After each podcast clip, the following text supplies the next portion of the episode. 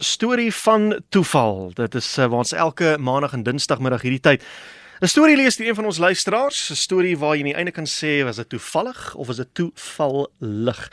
Hierdie een ingestuur deur uh, Piet Terblanche.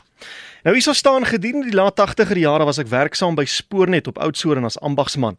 'n Paar ambagsmanne in ons depot was ywerige rots- en strandhengelaars. Een Sondag gaan ek en 'n hengelmaat van my op 'n hengeltog na Danabaai, so 10 km wes van Mosselbaai. Met ons terugkeer laatmiddag, ongeveer so 10-15 km vanaf die eh, Mosselbaai, vanaf Mosselbaai op die pad na Oudtshoorn, vra my vriend Herman om 'n bietjie stil te hou sodat hy sy nood kan verlig. Met die inklim slag terug in die motor, gooi hy 'n ander motor se brandstoftank vol prop langs my neer met die woorde: "Hier's vir jou 'n petrol cap." En ek het net so terloops daarna gekyk, die voertuig aangeskakel en die laaste so wat 70 km aangepak. Terwyl ek hier maandagooggend met herstelwerk besig was in een van die werkswinkels, hoor ek so terloops hoe 'n bouvoorman, ene oom Petto ter Blanche, aan een van die ambagsmanne Willie vra of hy by eh, een van die motoronderdele ondernemings wil gaan kyk of hy nie so iets kan kry nie. Ek vra toe onmiddellik vir oom Petto waarna hy op soek is, waarna die oom so half geïrriteerd my antwoord dat hy in gesprek is met Willie en ek moet maar eerder voortgaan met my werk.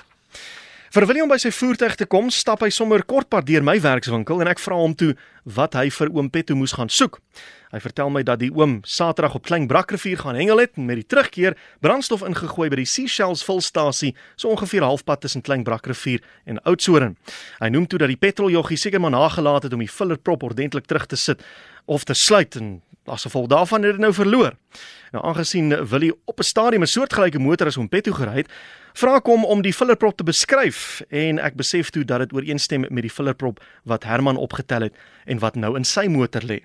Ek het geweet Herman se motor hy sy deur word nie gesluit nie en sy motor ook nie. Ek gaan haal toe die fillerprop en met die terugkeer het Willie reeds oom Petto se motorsleutels en uh, hy gee dit toe vir uh, Willie en die sleutel pas toe perfek daarin. Hy sluit oop en hy sluit toe.